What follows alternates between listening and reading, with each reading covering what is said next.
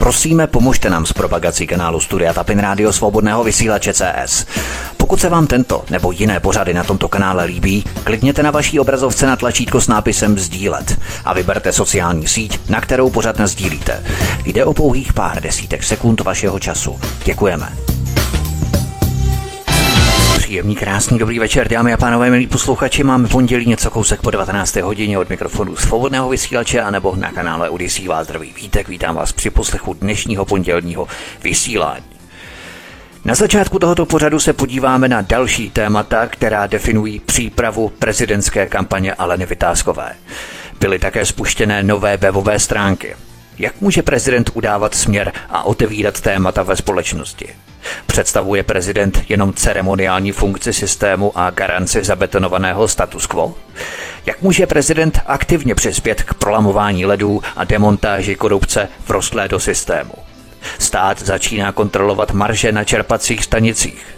Jsou čerpadláři otloukanky systému, na které se svede vina? Proč stát neřeší Green Dealy, povolenky, burzy a spekulace s energií? Je také válka na Ukrajině skvělou záminkou k odvedení pozornosti? Vymkl se energetický trh z řetězu, jde o státní gangstrismus? Proč chce protivlastenecká SPD posílat zbraně na Ukrajinu? Ombudsman Stanislav Křeček trefně pojmenoval bolavé místo rozčarování Čechů. Vláda na vlastní obyvatele kašle. Drahé energie, drahé nájmy, drahé nemovitosti, drahé potraviny – na Ukrajince se ale v eráru vždycky prachy najdou. Má se ombudsman stydět za to, že zastupuje Čechy. Ústavní soud zrušil rozsudek v kauze ozbrojeného přepadení v klenotnictví v Uherském hradišti. Soud propustil muže z vězení. Budou se triviální případy stále častěji řešit až u ústavního soudu díky selháním nižších instancí?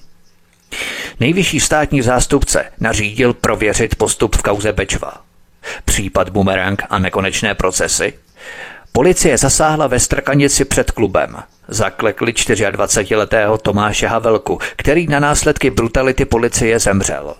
Stoupá agresivita policie nebo útočníků? Nejenom o tom bude pojednávat naše dnešní vysílání. A já už tady u nás na svobodném vysílači vítám po měsíci a opět a znovu kandidátku na prezidentku předsedkyni institutu Alenku Vytázkovou. Hezký večer, Alenko, ahoj. Hezký večer tobě i všem posluchačům. A vítám tady také člena výkonné rady Institutu Aleny Vytázkové, detektiva lovce Šmejdů, Zbyňka Prouska. Zbyňko, vítaj, hezký večer, ahoj. Dobrý večer všem.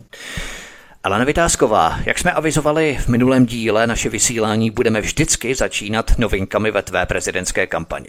Tou bez sporu největší je spuštění tvých prezidentských stránek. Jaké ty stránky jsou a co důležitého na nich můžeme najít, Alenko? Já je vidím pouze z toho hlediska, abych eh, dala informaci občanům, eh, kteří budou ochotni a budou se podílet na mé podpoře a to systémem podpisů na petičních arších. Protože, jak když jsem avizovala dříve, tak eh, chci jít dovolet pouze za předpokladu, že dostanu dostatečnou podporu našich občanů a to formou eh, petice nebo podpisu pod petiční archy. Takže je to eh, vlastně otevření webových stránek, je ten první krok k tomu, aby se mohli ti, kteří chtějí, něco dovědět víc aby si mohli eh, stáhnout petiční archy, aby si k tomu mohli stáhnout pokyny, jak petiční arch má eh, být vyplněn. A samozřejmě, že je tam také odkaz na možnost finančních darů na transparentní účet a to finančních darů od právnických osob, fyzických osob a pokyn k tomu, jak takovýto dar eh, může být zaslán a co musí splňovat ten dárce. A třeba taky tak... u kyperských společností, třeba jako třeba u Stan, nebo kde to bylo. Máš tam taky možnost eh, kyperskými společnostmi třeba nějaké dary? Já, já, si, já si myslím, že to tam je jasně popsáno. Eh, myslím si, že velmi eh, nestručně, ale velmi vypovídajícím způsobem, co dárce musí splnit a co v té darovací smlouvě de facto podepisuje, že dar nepochází eh, z trestné činnosti, že ten dárce není eh, v exekuci, že nemá dluhy vůči státu, prostě hromady podmínek, což je do jisté míry mm, zavazující pro toho, kdo ten dar pošle že skutečně tyto všechny věci musí splňovat. Je to pro nikdo nenechytal, protože oni si potom můžou vytáhnout účelově nějakou platbu a na té tě uvařit. No, tak o, já myslím, že vařit e, budou úplně ve všem, ale tady e, ta zodpovědnost pak toho dárce, protože není možné zkontrolovat každého. To nejde. To, to, to by, přestože mám spolupracovníka, kolegu a kamaráda detektiva, Zbínku, že jo? Tak Nevím, nej... neznám takovýho. tak, tak to prostě nám není možné vůbec kontrolovat nějaký, nějaký dar, nějakou platbu proto je to obsaženo v té darovací smlouvě, anebo v čestném prohlášení, pokud je ten dar pod tisíc korun, tak je tam jenom čestné prohlášení, že tyto finanční prostředky nepochází z trestné činnosti. Jinak se to bude vracet. A vidím také, že některé transparentní účty vracejí ty platby potom v finále. No, no když, když tam se najdou právě eh, vyloženě podezřelé, tak se to vrací. Ano, ano, ano. Ale tím, že my to máme ošetřeno tady tím čestným prohlášením a nebo v té darovací smlouvě přímo, což samozřejmě je hodně pracné pro toho dárce, aby vůbec jako něco dalšího podepisoval, než poslal e, nějakou korunu. Takže je to do jisté míry omezení e, pro ty kandidáty, kteří nemají eh, dostatečné nějaké své miliardy, však víme, že kandiduje spousta miliardářů na prezidentský post, takže pro ně je to pak eh, určitě jednodušší to financování, než eh, pro lidi, jako jsem já, nebo je, jako je pan Skála, který určitě taky nebude mít ten polštář finanční jako miliardář a bude čekat na každý dár a i drobní dárci, já říkám 100 korun a 200 korun, pořád ti drobní dárci jsou zajímaví. Já jenom se zeptám, je třeba nějaký strop stanovený zákonem ohledně počtu nebo objemu darů takto darovaných prezidentovi ne. na prezidentské kampaně? Třeba kolik miliard to musí být, kdyby si měl třeba 5 miliard, tak už řekneš stop, už víc nechci miliard. Ne, ne, ne, ne, tam je, tam je zákonem dáno 40 milionů korun na prezidentskou kampaň, že může být vynaloženo, eh, tak to je dáno zákonem a eh, počítají se do toho i nepeněžité dary, to znamená, když vám, hm, já nevím, hm, někdo poskytne nějakou eh, službu a nechce za to žádné finanční prostředky, tak to musíte ocenit na běžnou cenu, Aha. že vám zpracoval, dejme tomu, já dávám příklad, facebookové eh, internetové stránky a cena je taková, taková. Vy to musíte pak přiznat v těch příjmech následně, že to byl nepeněžitý příjem, ale započítává se to do těch 40 milionů korun. Takže je to finančně omezeno, celá kampaň. E, já pak nechápu, jakým způsobem probíhají kampaně, kde se hovoří, že stojí 100, 140 milionů korun, tak je to asi pak nějak jinak, ale já se budu určitě pohybovat pouze v této hranici, která je dána zákonem. Rozumím. Postupně na tom webu samozřejmě budou přibývat i další události, akce třeba, kde se budeš vyskytovat v rámci po mm. republice, po České republice budeš cestovat a tak dále od toho října, jak jsi říkala. Ano, ano.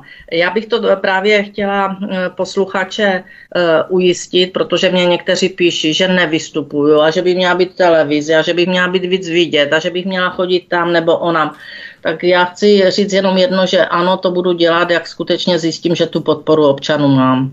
Ano, ano. Protože, eh, protože v této chvíli já při, té, při tom obrovském počtu zájemců, který bude narůstat, to je teď jenom první krůček, Eh, při tom obrovském počtu zájemců budou určitě i obrovské skupiny podporovatelů, která bude podporovat vždycky někoho jiného a pak si myslím, že je naprosto zbytečné, abych já jako kandidát čekatel, pokud to jsou kandidáti, kteří mají eh, podporu Senátu nebo poslanců, čili vědí, že ji dostanou. Vědí, že dostanou těch 10 podpisů od senátorů nebo 15 poslanců. Eh, vědí, že mají za, sebe, za sebou politické strany, které mají po celé republice eh, de facto své pobočky, takže vědí, že mají síť svých hm, straníků. Tak tady tito hm, kandidáti mají určitě hm, lepší, stoprocentně lepší start a ti mohou startovat už nyní a mohou se vlastně eh, prezentovat eh, před voliči, protože vědí, že do té konečné fáze, to znamená jakmile budou vyhlášeny, vyhlášený termín prezidentských voleb, že budou moc se těch x dnů před tímto termínem, nebudu to říkat všechno, ať si to ti, kteří chtějí kandidovat, načtou, protože už jsem toho tak řekla dost.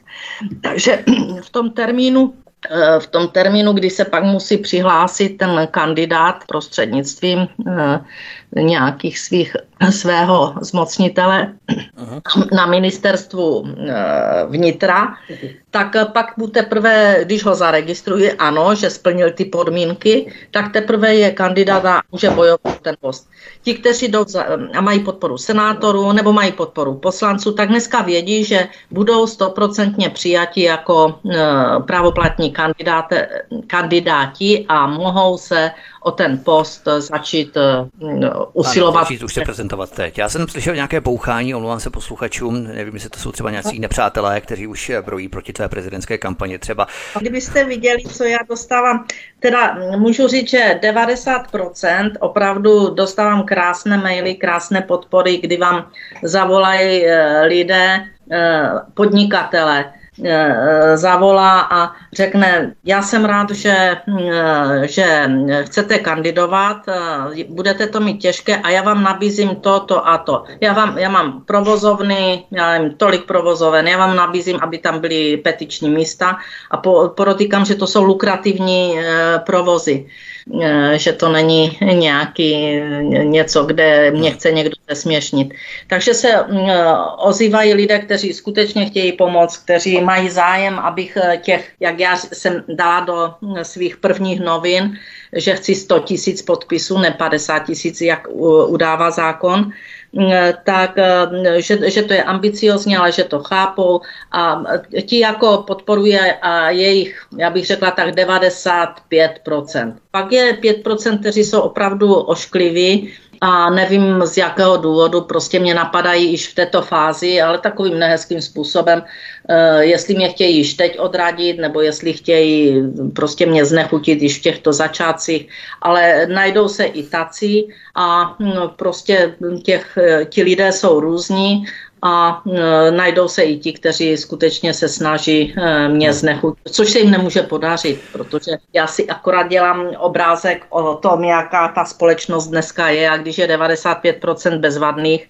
a e, když napíšou a hlásí se a podporují a skutečně vidět, že ta podpora běží a tam nějakých 5% pak z toho jsou tady tito škarlohlídové, Eh, tak, tak eh, prostě mám hodně dobrý pocit. To je dobrá bilance, pětku hry 95. Já jsem jenom chtěl říct, že ti miliardáři, kteří kandidují, tak mají možnost částečně delegovat eh, kompetence v rámci provozu svých firm na jiné pracovníky, mají finanční poradce, mají další poradce, ale člověk, který se musí živit sám, si také musí ten svůj čas vyčlenit k tomu, aby mohl jezdit, rajzovat po celé České republice v rámci své prezidentské kampaně. To znamená, až tak budeš činit, až tak budeš dělat od toho října zhruba pokud budeš mít eh, zajištěný dostatečný počet hlasů, já jsem si jistý, že ano, tak eh, si ten čas člověk musí vyčlenit. Člověk, který se živí, člověk, který pracuje, člověk, který se musí živit sám, tak eh, si ty peníze musí také vydělat. A to je také důvod toho, proč vlastně člověk nemůže jenom tak odejít, pověsit svou práci na hřebík a říct, tak teď tři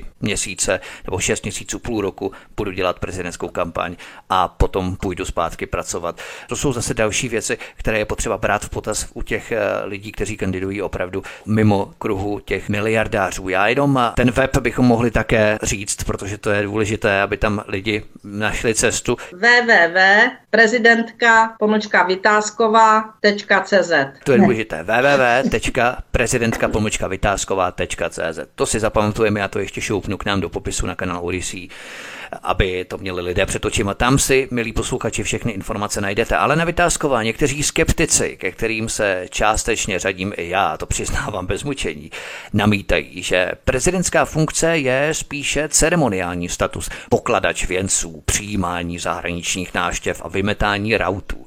Jak může prezident nebo prezidentka reálně změnit život lidí? Myslíš, že má prezident takový dosah, protože určitě budeš argumentovat tím, že může odmítnout jmenovat nějakého nepopulárního ministra, nepodepsat špatnou novelu, kterou schodí ze stolu, čímž se mu ale znovu vrátí přes dolní a horní komoru parlamentu, takže je to taky jenom takové prázdné gesto. Tak jak může prezident reálně zlepšit život lidí? To je otázka. E, nicméně v této chvíli máme právě na webu i nějaké priority, které mám, oblasti těch priorit.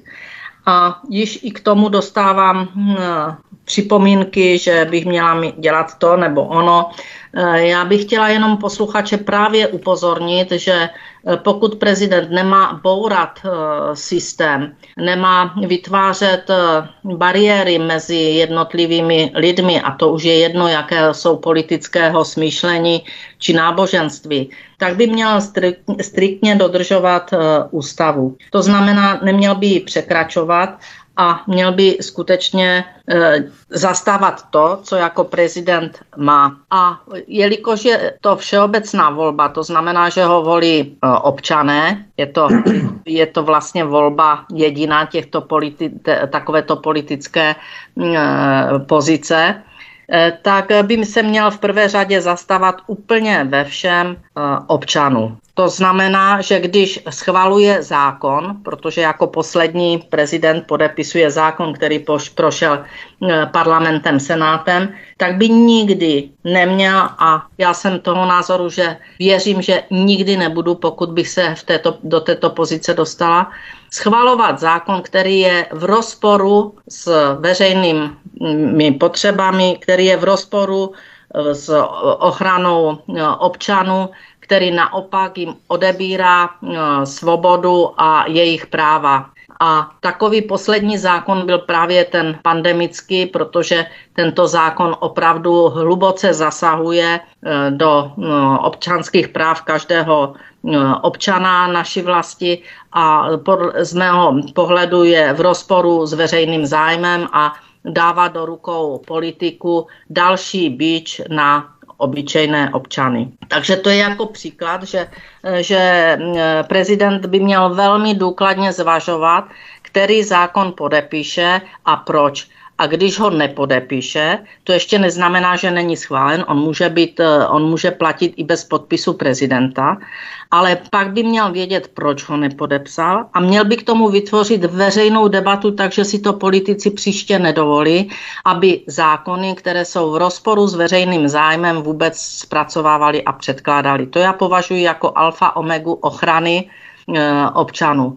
Pak eh, si myslím, že ten poradní sbor, který by měl eh, panu prezidentovi pomáhat vlastně eh, z názory na některé právě zákony, které se přijímají, tak by měl být projednáván z jeho pozice právě s těmi lidmi, na které to dopadá ať už dneska vidíme různé eh, demonstrace k různým zákonům, tak prostě už on musí vidět a měl by si to s těma lidma projednat, eh, ne s těmi demonstrujícími, ale eh, ti, kteří zastávají ten názor, i ti, kteří se pak na té demonstraci zúčastňují. A měl by projednat, proč ho nechtějí a měl by si udělat jasný názor, proč ho teda nepodepíše, protože on tam je za občany. A to, že politici budou vykládat, my jsme taky volení občany a, a občané nás. Ale tady už vzniká úplně něco jiného, což dneska vidíte, jak se chová vláda k občanům a jak se chová k těm, kteří nesouhlasí s některými jejich eh, návrhy zákonů a postupy. Takže prezident má tuto pravomoc a tu by měl dodržovat. Další z jeho pravomoci je, že jako nejvyšší kárný žalobce se může dívat na některé e, případy e, v justici, ať už odsouzených nebo těch, u kterých probíhá vlastně trestní řízení, eh, tak se na to může dívat opravdu z, pohledem, z pohledu nestranosti, politické nestranosti a eh, také by mohl v určitých věcech skutečně zasáhnout, aby zvůle, která tu probíhá, v mnohých případech, neříkám, že ve všech, ale v mnohých případech, aby z vůle eh, poškozených občanů v justici prostě byla co nejmenší a on může do těchto procesů skutečně zasahovat.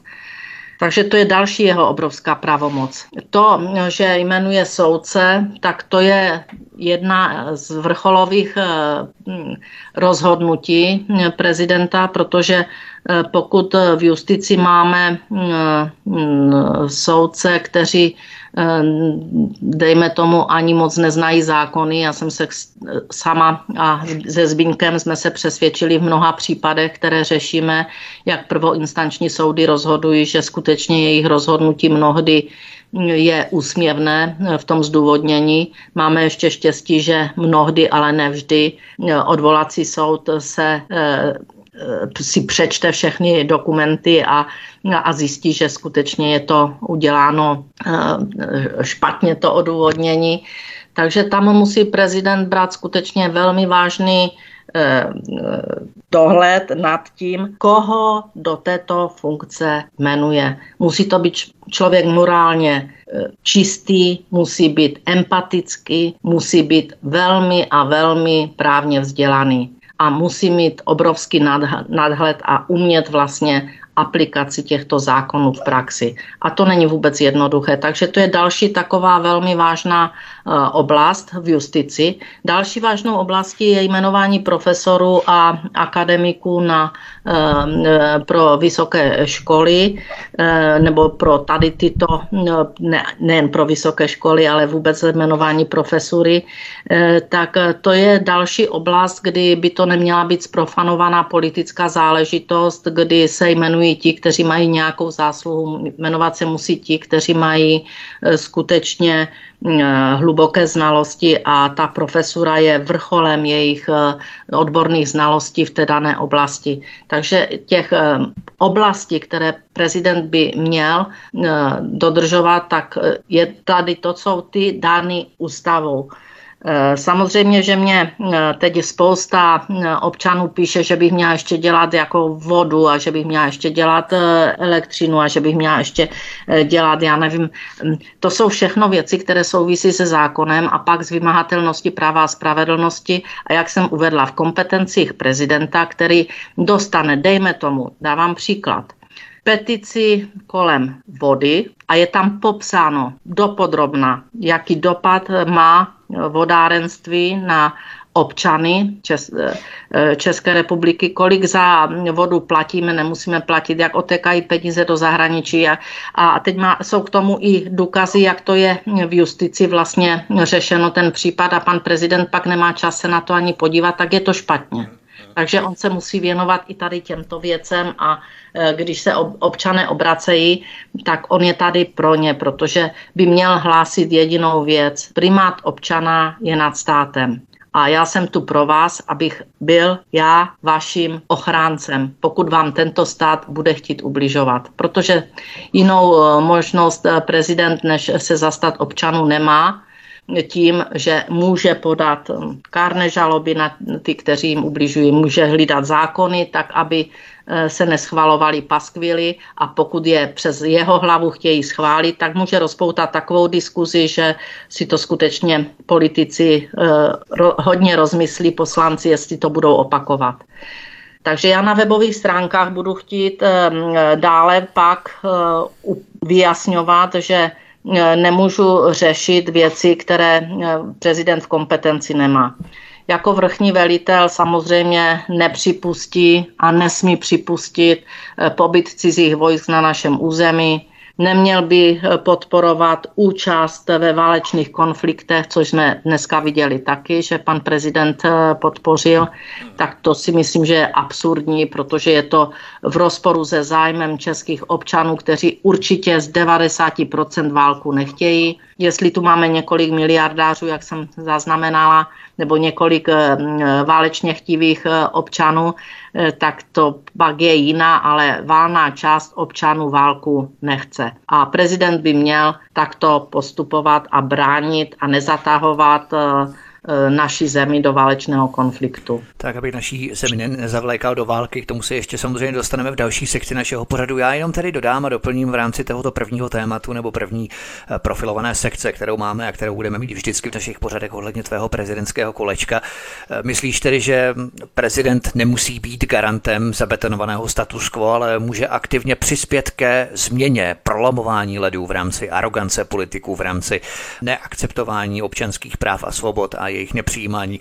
Já se přiznám naprosto otevřeně, že pokud by si nekandidovala ty, tak eh, bych se vůbec na nějaké pořady o prezidentování vykašlal, protože prezidentský úřad skutečně zatím vnímám, možná i zkresleně, jako funkci instalaci panáků, i když volenými lidmi, kteří ale na zlepšení obecně života občanů nebudou mít pra žádný vliv. Takže kdyby si opravdu nekandidovala ty, tak bych se věnoval svému bádání a tohle téma by šlo naprosto a naprosto mimo mě. Aspoň kandiduješ ty. Každopádně, kdybychom to tady měli nějakým způsobem zakončit, všeobecně myslíš tedy, že prezident má páky na to, aby politiky jakýmsi způsobem umravnil a házel jim vidle do jejich spolupráce, obcházení vůle občanů? Já jsem si naprosto jistá, že ano. Protože prezident eh, má volný prostor k vyjádření svého názoru, má volný prostor k tomu, aby mohl se zastat občanů, kteří něco nechtějí, to znamená, ať už to je povinné očkování, nebo další a další věci související třeba i se zasíláním zbraní na, do válečných konfliktů. Čili prezident to může skutečně ovlivnit tím, že ty občany vyslyší a bude do jisté míry jejich mluvčím eh, vůči vládě, protože on zastupuje občany. A, a jestli eh, nemá tento pocit a hraje jenom politické hry s parlamentem a s vládou a o přetahovanou, kdo v této chvíli má silnější pozici a je jim všem úplně jedno, co cítí a vnímá občan, tak pak je to špatně. Možná, že to vychází taky z toho, že eh, prezidenti eh, většinou pocházejí z politických stran, mají za sebou velkou politickou kariéru a dívají se na ten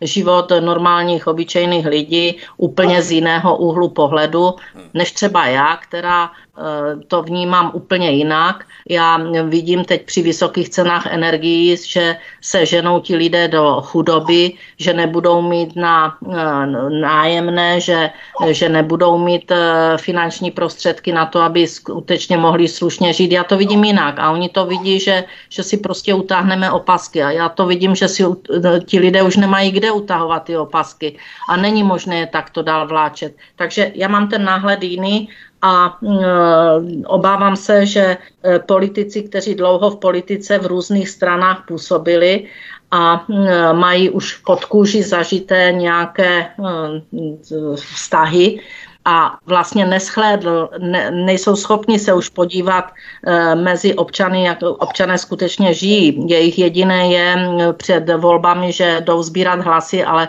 vůbec neznají, jaký dopad jejich rozhodnutí, v té, když byli v politice, jaký dopad jejich rozhodnutí na každého občana eh, je. A skoro si myslím, že je to ani nezajímá, protože to považují za nepodstatné.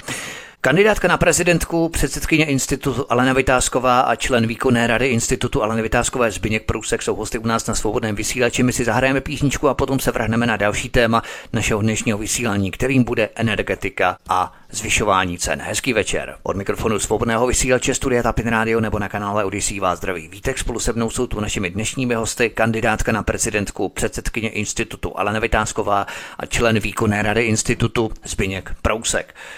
Zbyněk Prousek, začíná kontrola marží u čerpacích stanic díky raketově stoupající naftě nebo ceny nafty.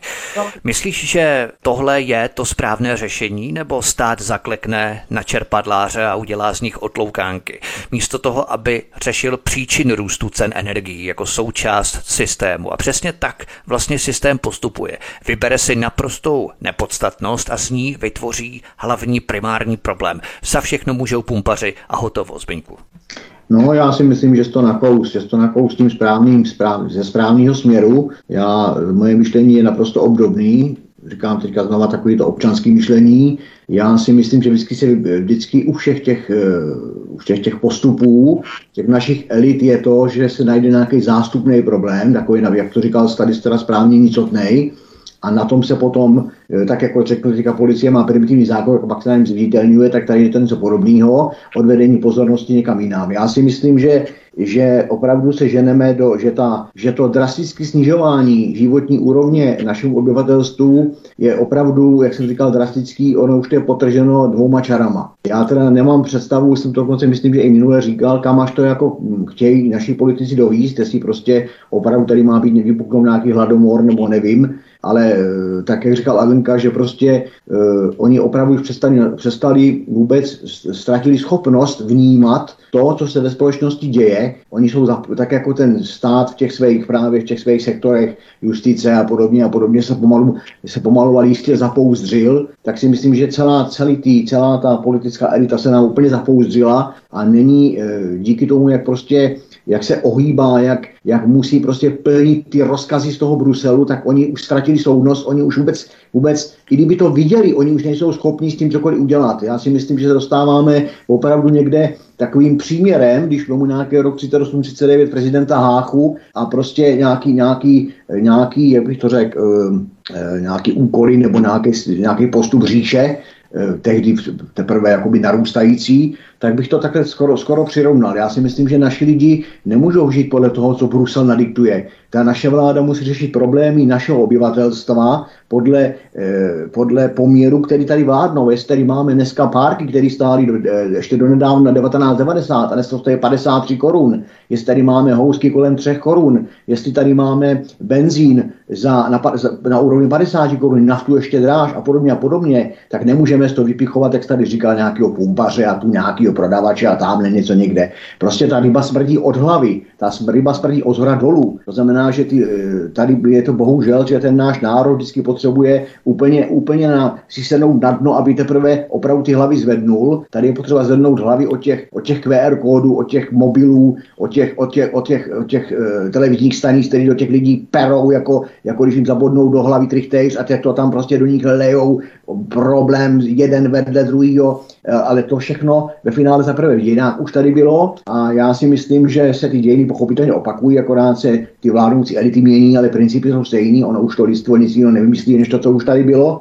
Ale já si myslím, že na nás, že nás dva roky masírovali covidem a přitom se čarou levou rukou se ukazoval covid, covid, covid, nic jiného než covid, kdo neměl covid, nebyl in. A pravou rukou se čarovalo v úplně jiných zónách, úplně jiných dimenzích. A dneska sklízíme to, co se čarovalo tou pravou rukou. Tady, jo, tady celý obyvatelstvo koukalo na covid, zhlíželo se v covidu v televizi, chodili kuklisti zakuklení, rouškaři, prostě zásahy, brutální zásahy policajtů proti rouškaři, prostě najednou roušky neplatí, nic se neděje a, a všechno je jinak, ale je to, jak jsem říkal, takový ten příměr, kouzelník levou rukou dělá z holubici a pravou rukou čaruje za, za, za frakem a, a dělá něco úplně jiného. Takže je to také primitivní příměr, ale myslím si, že velmi výstižný. A to se tady dělo v době covidu. Dneska tady máme problém uh, uh, ukrajinsko-ruský konflikt, který není, není teďka v společnosti jiný problém než tento, ale nikdo už jakoby ne, nemáme takový počet, uh, takový potřebný počet informací o inflaci, o příčinách a důsledku té inflace. Uh, nikdo nám tady neříká, že, že 3. března byla podepsána kvota na příjem migrantů, že to, že hovoří se o 50 tisících ročně. Otázkou je dokonce, kdo to spočítá. Kdo, kdo to spočítá,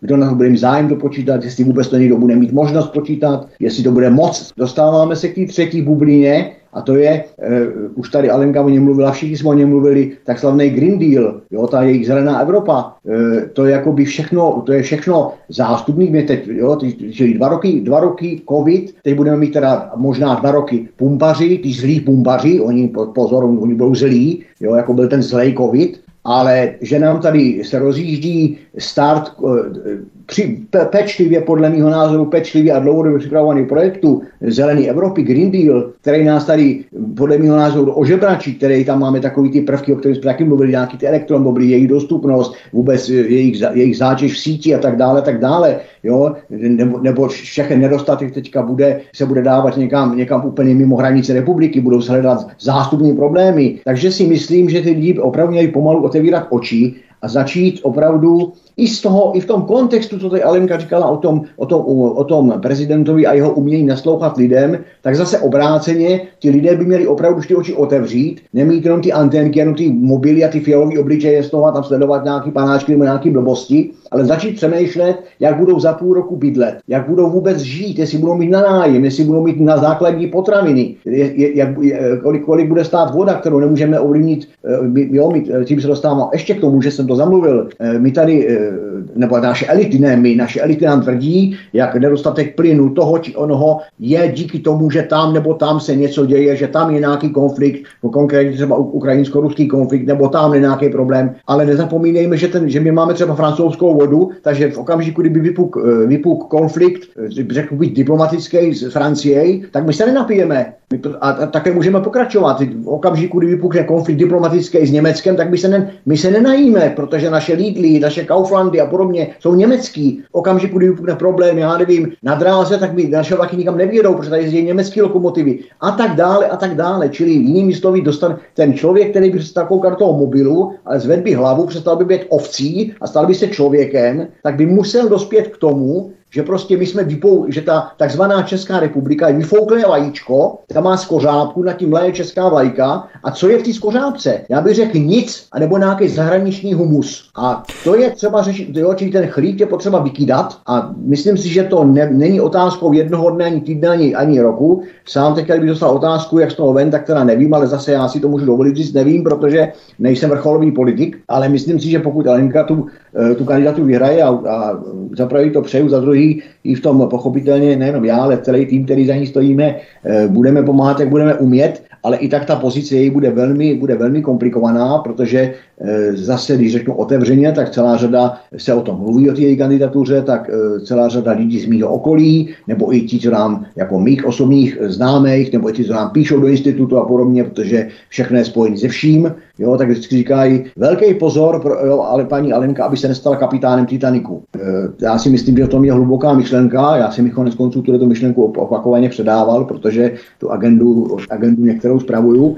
Takže tím jsem se dostal od toho, od toho problému těch pumpařů až tady k tomu, ale jak znova říkám, všechno ze vším souvisí a myslím si a ukončím to tím, že fakt je potřeba, jak se říká, lidé bděte, neblbněte, aby ty lidi pomalu otevírali oči. Za prvé, teď mají právě tu možnost je otevřít trošku věcně, abych tak řekl v úvozovkách, to znamená tou volbou, aby otevřeli oči a volili si takového prezidenta, který je eh, nejenom, který má dvě cené vlastnosti. Ochotu a schopnost. To znamená být ochoten kopat za ty lidi a být schopen kopat za ty lidi. Já si myslím, že paní Vytázková obě tyhle, ty, tyhle ty dneska vzácné vlastnosti e, má, u politiků téměř vymřeli, tam to je něco jako vymřelý živočišný druh, tak to je něco podobného. Naši politici, naše politické elity a státní elity už vůbec nemají schopnost, nad tím spíš ochotu Eh, kopat za lidi, za své a tak podobně.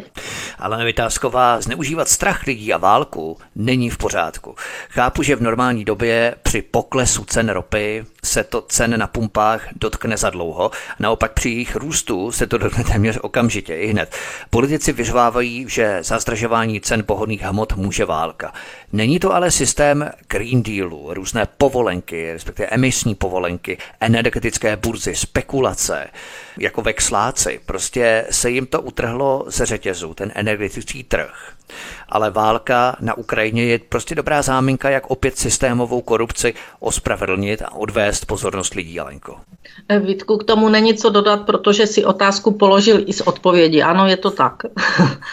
Já se nevím, že to rozvedeš právě z toho profesionálního hlediska tvého. Ne, já, já vím. Akorát je třeba rozlišovat, že to není úplně stejné ve všech zemích, protože nejvyšší ceny jsou v České republice. Si představte, že v Maďarsku e, proti těmto spekulantům eh, ceny zastropovaly na nějakou výši a hotovo. A e, dráž prostě ti pumpaři ne, nemohou prodávat, protože je tam e, zastropovaná cena. Eh, takže maďarská vláda udělala opatření, aby proti těmto spekulantům, kteří chtějí využít všeho možného k tomu, aby se obohatili, i tady tohoto eh, žalostného konfliktu, protože každý konflikt, kde přicházejí o život lidé, tak z mého pohledu je žalostný konflikt, bolestivý.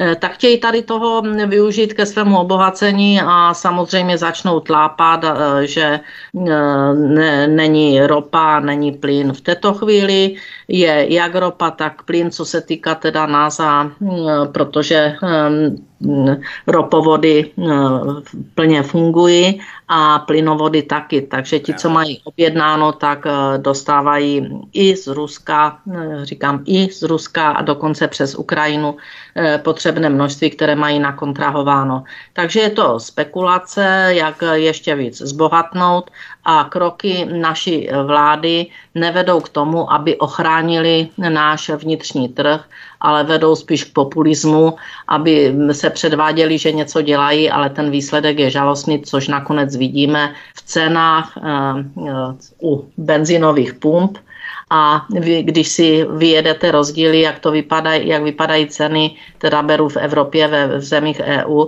tak opět jsme zase na, v čele toho maratonu vysokých cen. Takže je to o e, vládě, která e, prostě nedohlíží na dopady svých rozhodnutí, dopady na řádové občany a podnikatele. A když řekne, že nebudeme eh, odebírat ropu a plyn z Ruska, tak do jisté míry jsme eh, osamoceni, co se týká eh, zemí Evropské unie, protože Němci se to, se to prostě to odmítli a další země odmítly tento, tento postup, protože v této chvíli skutečně to znamená absolutní dopad na podnikatele a občany, když takováto rozhodnutí eh, vláda dělá. Finanční. hliníku třeba pšenici a dalším komoditám, že? To je se další věc. Ano. Eh, Zbigněk Prousek, eh, souhlasil by s výrokem, že ceny, ať už nafty, benzínu, plynu nebo elektřiny, je státem vytvořený a podporovaný gangsterismus? No, odpovím jednoznačně, souhlasil bych s takovým výrokem, protože já v tom žádný zdravý rozum nevidím. Já v tom vidím eh, to, co tady bylo zmíněno. Jo, intriky, spekulace, prostě kšeftování, kšeftování takový ty, takový, takový to zneužívání politiky ke kšeftování, nebo dokonce politické kšeftování.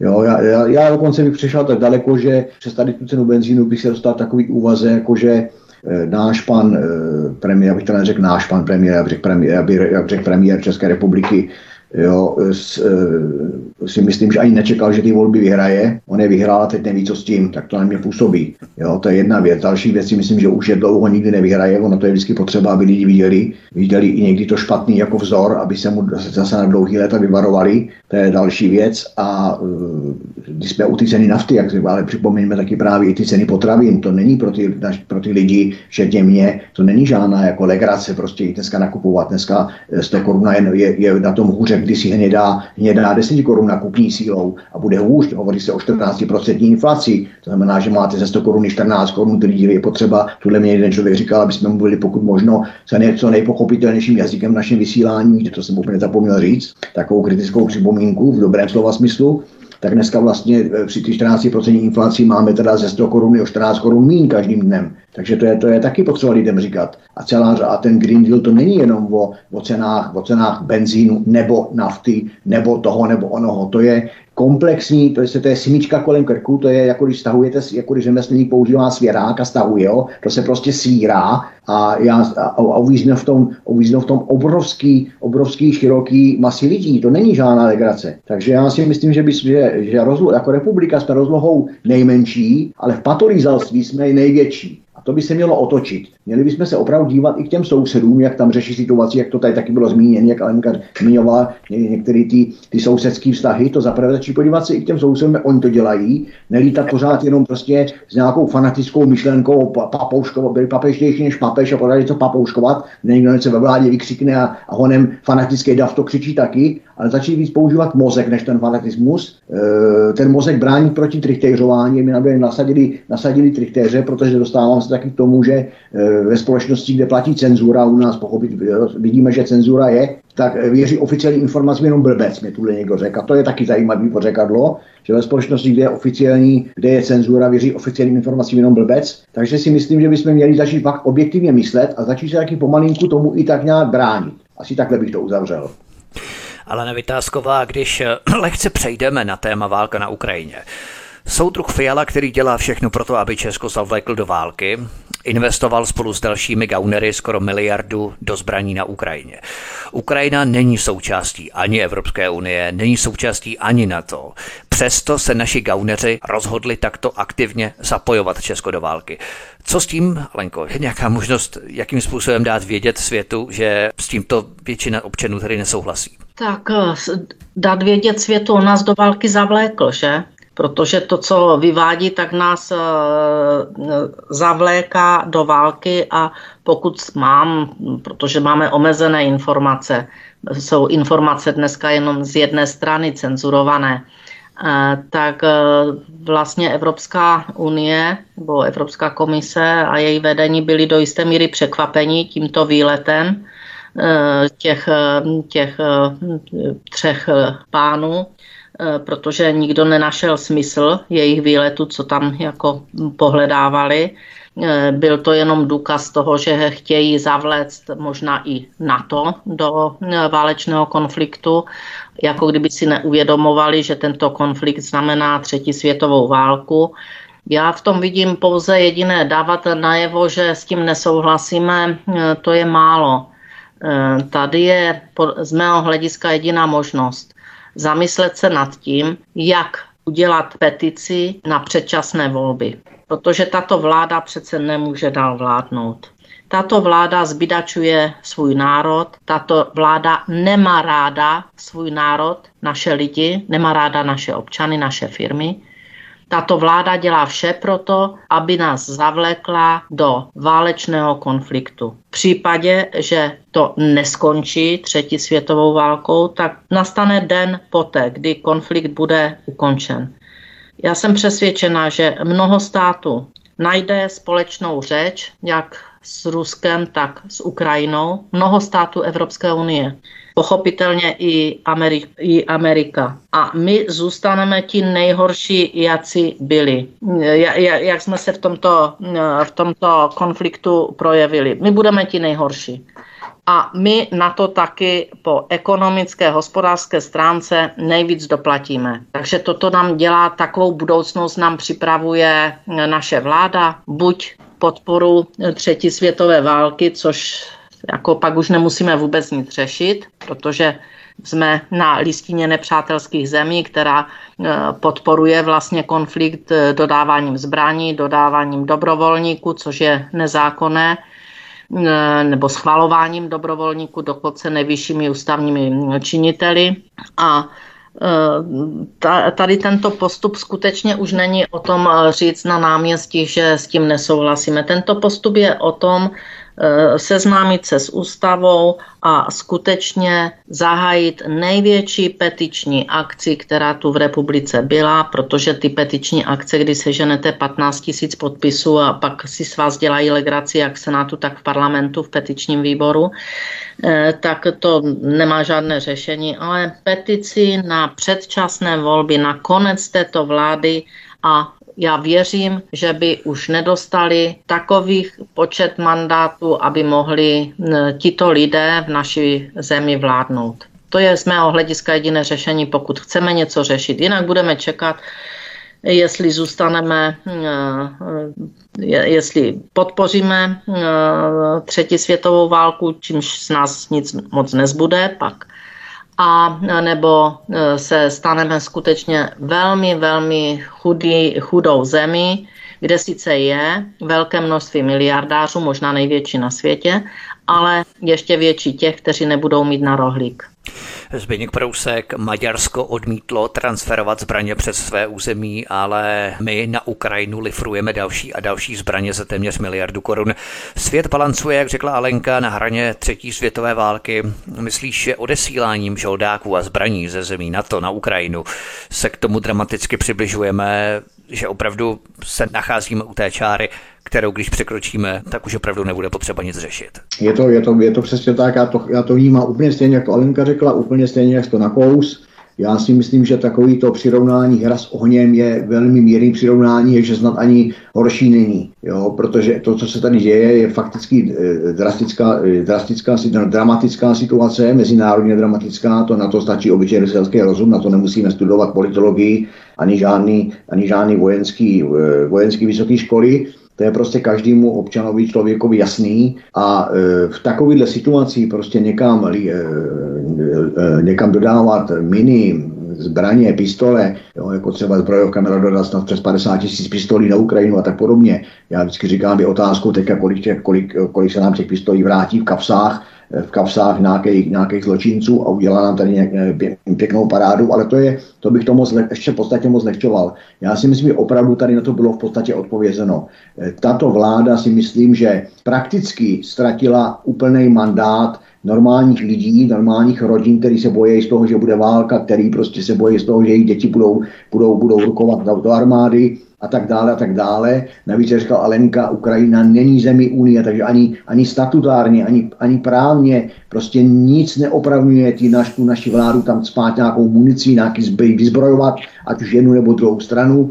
Prostě v podstatě jsme v Evropě nejmenší, měli bychom řešit svoje problémy, ekonomický, národní a tak dále, společenský. A jak se říká, nehrabat se, zaprvé nehrabat se do, do, eh, do jak by to řekl, sporu velmocí, to je to teďka se je hodně daleko v tom horizontu, těch mých představ nebo tím odpovědi, ale myslím si, že jinými slovy máme, že by ta naše, že ta, ta naše vláda tady, nebo na, znovu říká, ona není naše už dneska, jo, většina lidí opravdu nechce, takže eh, myslím si, že ty nové volby a eh, by, by opravdu udělali významnou změnu k, takovému tomu, jak bych to řekl, prosazení mírozvorné politiky. Teďka bych nechal opravdu, dokonce bych nechal i, i takový ten problém benzín, nafta a podobně. My opravdu potřebujeme v první řadě zabezpečit mír, tedy světový mír. Třetí světová válka by byla světová, to znamená, že by, by, to, by, by to byl konec. Jo, už, jsem, už jsme to nikdy neviděli nikdo. Ale zajistit teďka v první řadě mír. A já si myslím, že kroky pana Fialy a těch jeho nohsledů v důsledku horlivosti plnění rozkazů Bruselu eh, postrádají zdravý rozum a tyhleti, tyhleti loutky a tyhleti poskoci a ty lokajové unijní jsou schopní nás opravdu dostat do, do zóny, kterou eh, ve finále odnesou zase jenom obyčejní lidé, pokud to nese teda celá republika, celá Evropa a je potřeba tomu udělat dost. Je třeba zajistit tyto podmínky dohodou s Ruskem v rámci NATO nebo z pozice NATO tím, že se NATO přestane rozšiřovat na východ Evropy, tak jak bylo původně zamýšleno.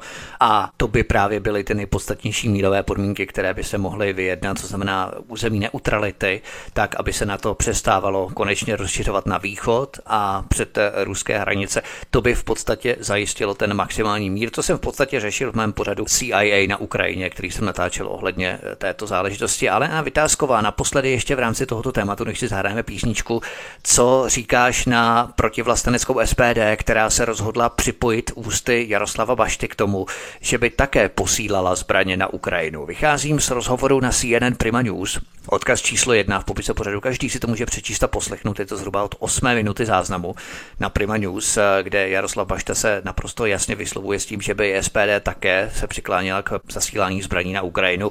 Myslíš, že si SPD podepsalo rozsudek politické smrti tímto postojem, na který nesmíme zapomínat, Alenko?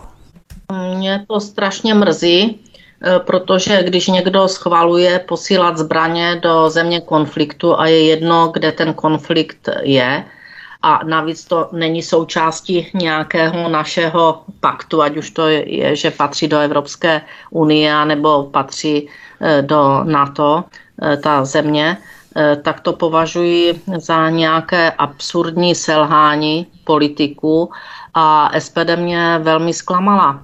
To znamená, že se rozhodla, že pojede na, půjde na stejné vlně jako vláda a nebo se bojí mít jiný názor, protože dneska už je to dost eh, problémové. Um, ale souhlasit s tím, že tam budu posílat zbraně, no to já považuji za zvěrstvo ze strany SPD a každé strany, která toto schvaluje.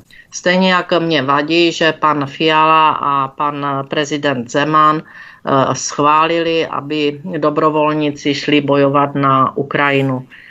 E, to si myslím, že je v rozporu s mezinárodními právy a e, že to se prostě dopředu slíbit těmto lidem, že dostanou, já nevím, generální pardon nebo milost od prezidenta, to je úsměvné a navíc hm, to hovoří o tom, že se zúčastňujeme dokonce nelegální cestou hm, válečného konfliktu. Takže posílat zbraně a SPD, nejde mě to dohromady a SPD prostě musí, pokud to jejich voliči hm, znají, nemusí to všichni znát, eh, tak eh, si myslím, že jim velká část voličů musí odpadnout. Obrovská část.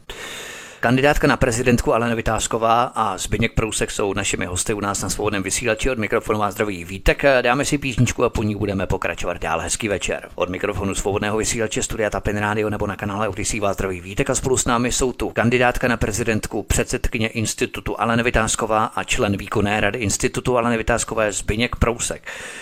Zbyněk Prousek, díky nouzovému stavu mají vládní gauneři nástroj zrekvírovat soukromé majetky a nastěhovat ukrajinské uprchlíky kamkoliv se jim zamane. Nicméně v této souvislosti by mě zajímalo Senát, sněmovna, ministerstva, policie České republiky, justice a tak dále. Všechny tyto instituce mají přece luxusní a školící rekreační centra. Proč ne tam? No, to je otázka. Proč ne tam, že jo? no, tak já bych řekl dokonce otázka, proč vůbec? Jo, proč vůbec? Protože e, já se teďka vrátím trochu, trochu na zem.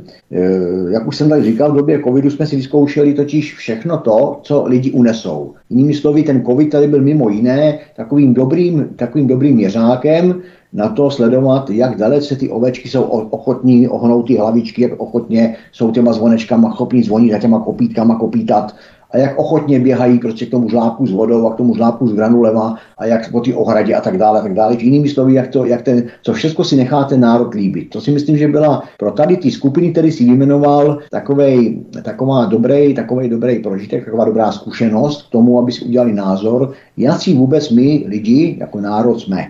Bohužel to vyznívá, bych se spíš neprospěch toho národa, ale myslím si, že se že není všem dnům konec. E, já dokonce tady navážu na to, jak říkáš, e, na, tý, na to, mm, na, e, teďka je aktuální, snad, třetí, snad dokonce 16. března měla vláda, ale ne, ne, ne, není ten datum přesný, měla vláda v nějakým zase zkráceným řízení, protože potřebovali ten takzvaný nouzový stav na 300 dnů z hlediska uprchlické vlny, tak měla v tomto nějakém nouzovém režimu zase schválit celou řadu věcí, která by normálně si myslím ani neprošla mimo, to nouzový, mimo ten nouzový režim.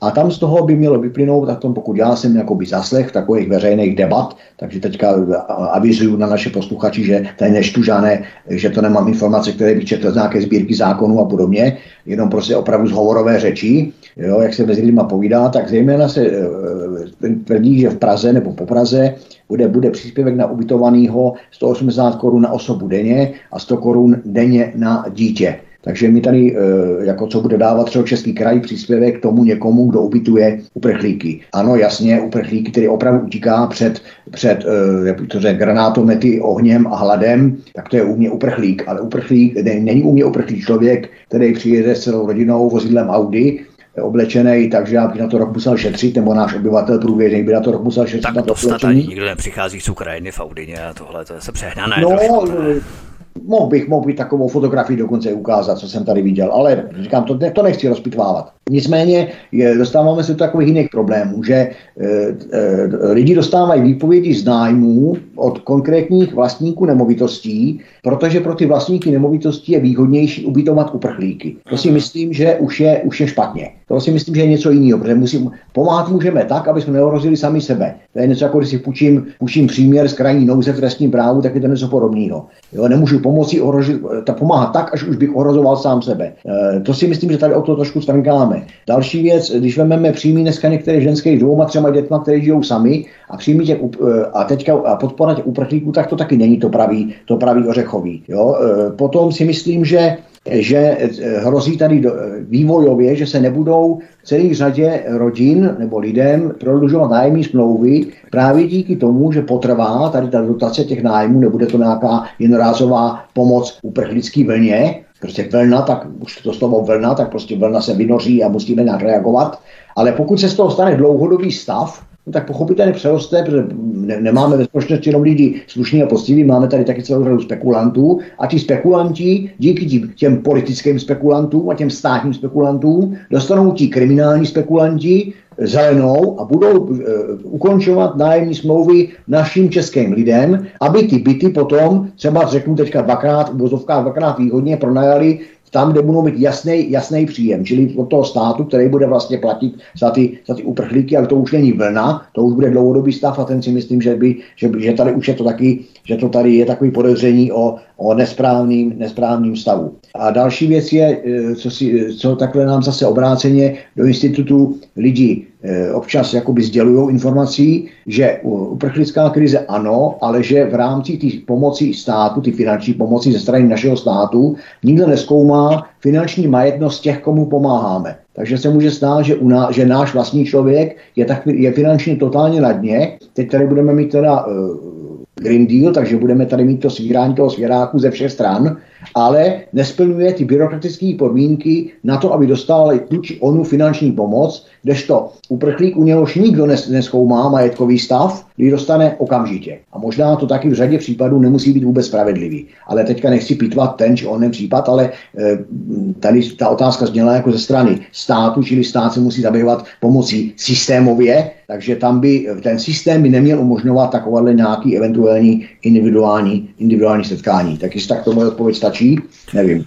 Ale Nevytázková, ombudsman Stanislav Křeček velmi trefně adresoval svůj vzkaz Volodymyru Zelenskému na sociální sítě Facebook. Zelenský totiž pronesl, že Ukrajinci budou umírat kvůli slabosti NATO. Stanislav Křeček k tomu napsal, že se mu to přestává líbit. Pomáháme, jak můžeme, na úkor vlastních občanů a ještě se máme nechat urážet? Odkaz číslo dva v popise pořadu na Odyssey. Myslíš, že Stanislav Křeček přesně vystihl atmosféru a nálady většiny lidí v Česku, Alenko? Já nebudu toto posuzovat, protože pan Křeček si myslím, že se pak nějak za to omlouval, že to tak až úplně nemyslel. Eh, jestli jsem to správně někde na Facebookích eh, četla, eh, takže bych nechtěla hodnotit jeho stanovisko. Nicméně, abych se ještě vrátila k tomu, co říkal Zbiněk o, o právě té migrační vlně z Ukrajiny, o tom ubytování a o tom, jak vláda chce pomáhat. Takže jenom, aby bylo úplně jasno. Jo. Tak mám teda informaci od přátel, Eh, kteří mají nějakou firmu a eh, mají zájem na eh, řemeslníky, aby především kolem svářečů a tady, čili řemeslníky v této oblasti. Takže když tu takový Ukrajinec je, jo, přijde teď s tou migrační vlnou, dejme tomu, tak úřad práce, když se tam nahlásí, že, že chce pracovat, tak eh, ho ta firma nemůže eh, vzít a musí čekat, až dostane pracovní povolení. A to pracovní povolení trvá třeba tři měsíce, ne třeba, ale trvá zatím tři měsíce. Takže eh, když minulý týden byli na pracovním úřadu ptát se, jestli tam jsou prostě Ukrajinci, kteří umí tu a tu profesi, protože by je potřebovali do firmy, tak jim řeknou, ano, máme tu nějaké muže, kteří to umí, ale nemají pracovní povolení, tudíž je nemůžete zaměstnat. Kdybyste je zaměstnal, tak je zaměstnáváte na černo.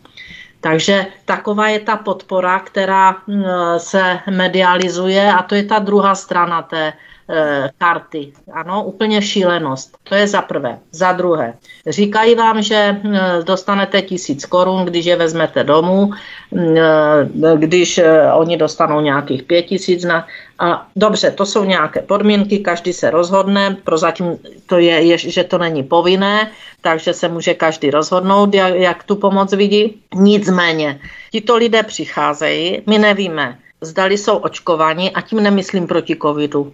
E, myslím proti tubeře a proti jiným dalším e, nemocem, protože to nevíme, jestli, jestli jsou takto e, zaočkovaní, jestli jsou zdravotně v pořádku, jestli jsou i covidově vyšetření. To nikdo neví, oni přijdou a prostě dostanete je na, ehm, můžete je ubytovat. My do nedávna jsme chodili v rouškách i de facto chtěli, ať eh, v osobním autě, když jste dva, ať, ten, ať máte roušky a přitom jste byli z jedné rodiny A na druhé straně vám tady tyto lidi, kteří utíkají před válkou, já je plně chápu, jo, já bych se taky bála, taky bych tam nechtěla být.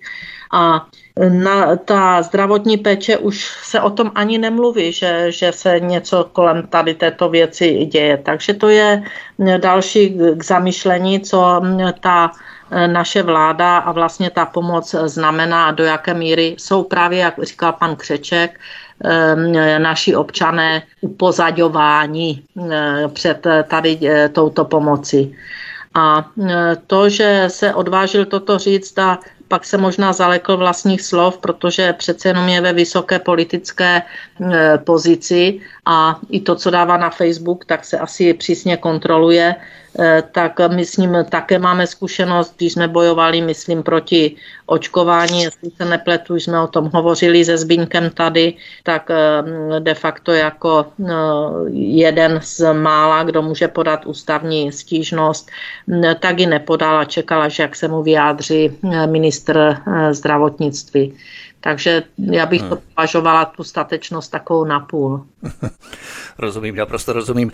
Zbigněk Prousek, na Margo toho, co prohlásil Stanislav Křeček, myslíš, že by si naši čeští bezdomovci měli zažádat o ukrajinské občanství, aby si jich konečně vůbec někdo začínal všímat, Zbigňku? Pokud, pokud bezdomovci nechtějí zůstat, že některým, některým, o eh, některých jedincích mám eh, hluboké přesvědčení, že jim tento, eh, jak by to řekl, to postavení bezdomovce těžce vyhovuje, ale pokud bezdomovci opravdu nechtějí zůstat, tak si myslím, že ano. V okamžiku, kdyby zažádali o ukrajinské, ukrajinské občanství, tak jsou z toho takzvaně venku. Já bych tady ještě, ještě ale navázal, vydám tady eh, dvě poznámky, nechtěl jsem skákat do řeči nesmírně Alence, jenom jsem si eh, u ty omluvy pana, pana Křečka mi napadlo, eh, jestli ano, jestli se přesně to, co taky ona vlastně svým způsobem zmínila, jestli on se omlouval podle svého zdravého rozumu, že třeba usoudil, přestřelil, anebo se omlouval pod tlakem. To by mi zajímalo. Jo, to je přesně to, to, co mě napadlo také, Zbínku. Absolutně přesně omlouval, napadlo Já si myslím, že ten, že ten článek, který jsem zaregistroval někde v nějaký té mediální zóně, tak byl takový si myslím, jako bych řekl, bych řek, uh, upřímně myšlený, takový bych řekl, jako, že šel spontánně z, z toho, z toho pana Křečka v té situaci, který je, protože každý člověk prostě něco nějak má, jak i když říkala paní Alenka, nás třeba v té zóně povinné očkování těžce zklamal, ale to je jedno. Jo, a najednou, najednou omluva, čili to je takový, jako dostane malý dítě přes prsty a už to jiskra neuděláš. A on ano, ano, ano, ano. Protože e, e, proč takovéhle úvaze jakoby jsem dospěl? Protože e, zase mediálně vyšlo to jeho vystoupení, jak tam říkal tu větu, pomáháme více, více na úkor vlastních občanů. A kdo byli oponenti, kdo, kdo hned prostě jakoby, jako naježil bodliny jako ježek proti Křečkovi? No pochopitelně Fiala, hned poté Rakušan a třetí jméno kdo, kdo jiný než paní Pekarová, naše odbornice, bývalá prodavačka mobilů. Takže, takže uh, už to je signál, když tyhle ti tři apoštolové jo, na, uh, najednou ty bodliny prostě uh, na tom hřbetě naježili a tak najednou se Křeček omlouvá. To je takový, jako můžeme si o tom myslet, co chceme, necháme ten konec otevřený a si každý posluchač udělá, udělá úsudek sám. Takže já si myslím, že tam náhodou byl ten tlak a říkám podle těch oponentů, bych se spíš ty verzi, ty v úvozovkách vyšetřovací verzi, ty omluvy bych řekl, že tam ten tlak opravdu, opravdu byl. Takže asi tak. Ale Vytázková, pojďme se věnovat dalším tématům, protože navzdory válce na Ukrajině se život v Česku nezastavil. Ústavní soud zrušil rozsudek v kauze ozbrojeného přepadení v kladnotnictví v Uherském hradišti. Soud propustil muže z vězení, odkaz číslo 3 v popise pořadu na Odyssey. Podle stížností údajných pachatelů stál rozsudek jenom na pachových stopách a jinak důkazy naprosto chyběly. Myslíš, Alenko, že jde o selhání dokazování stop, že se kriminalisté prostě tak nesnažili, když tak triviální zločin se dostal až k ústavnímu soudu? Já ten spis neznám, znám to pouze z médií, eh, tento, tento případ eh, ale máme jiné případy, eh, kde je rovněž odsouzen člověk jenom na základě pachových eh, stop a ty ještě byly získány eh, hodně za dlouhou dobu, kdy snad bylo to tričko nebo nějaký ten oblek ještě nebo oblečení vypráno. Eh, takže eh, ty pachové stopy opravdu jsou velký problém, jako pokud je to jediný důkaz, nějaký důkaz eh, a má takto obvinit člověka jako jediným, s jediným důkazem. Podrobně se zabývali pachovými stopami naši kolegové ze spolku Šalamoun, protože řešili více těchto případů a všude právě narazili na to, že ty pachové stopy by ne, jako jediný důkaz by rozhodně neměly být brány eh, v, v té obžalobě a nakonec odsouzení jako jediný důkaz toho zločinu. Protože eh, u těch pachových stop se to velmi rychle spochybní, ale eh, tu je důležité, že se to ještě nedostalo do té fáze, že by i soudy to takto brali. Mám jediný důkaz a to je pachová stopa, která se získala za dva měsíce z nějakého trička, které bylo dvakrát vyprané, tak už toto je taková do jisté míry zavádějící eh, věc, že to skoro není možné. A e, tak by se měli k tomu stavět i e, soudci a takové případy, které nejsou dostatečně e, došetřeny, tak by neměli přebírat. Pokud je státní zástupce, tak to předkládá soudu. Takže... Na to Margo napadl takový docela možná i nemístný vtip. Pachatel rád používá značku prášku Persil a právě to tričko dvakrát vyprané tomu odpovídá přímo té pachové stopě pracího prášku Persil. Ale Zbyněk Prousek, eh, co tento případ ukazuje podle tebe? Selhání soudů, selhání policie, nebo jsou údajní pachatelé jenom obětními beránky? Na koho to takzvaně hodit? A tedy jejich osvobození bylo jediným jediným správným řešením, Zbyňku? Tak tento, tento případ ukazuje, zaprvé je, zaprvé je, je téměř zrcadlovitě podobný s, s kauzou, kterou se v rámci institutu, e, řeknu už, už přes no, skoro dva roky věnujeme, a to je kauza Straňák Šimon, alias Maro Straňák a David Šimon, to jsou dva odsouzení, odsouzení muž, mladí, mladí muži, e, s, právě na základě pachových stop, Jo, to jako tam selhalo úplně všechno, tam dokonce říkal Alenka to tričko, tak tady v tom našem případě zase je to, zase je to místnost, která byla být, eh, uklizená savem, umytá chlorem a přesto naše hrdiná policie. To stejné savo používám také, tak možná by no, našli u mě doma. Jo? Bylo to umyté savem, prostě dokonce dost, jako, dost koncentrovaným savem a naše hrdina jako hned potom, po ty události tragické, která tam nastala, bylo omito savem, naše hrdina policie tam přijela tři dny poté, co bylo omito savem a úspěšně hrdina sejmula pachové stopy, který podle znalce sejmula, sejmula pozdě, nebo, nebo v podstatě neopně, neoprávněně, ale zbytečně, pozdě, špatně, špatně převezla, špatně konzervovala, špatně označila, špatně použila, špatně vyhodnotila ale přesto eh, pan státní zástupce na tomto postavil žalobu a později podle toho probíhal soud, takže znovu říkám, stranák Šimon, na mém Facebook se tomu dají najít moře podrobností, nebudu zdržovat vysílání.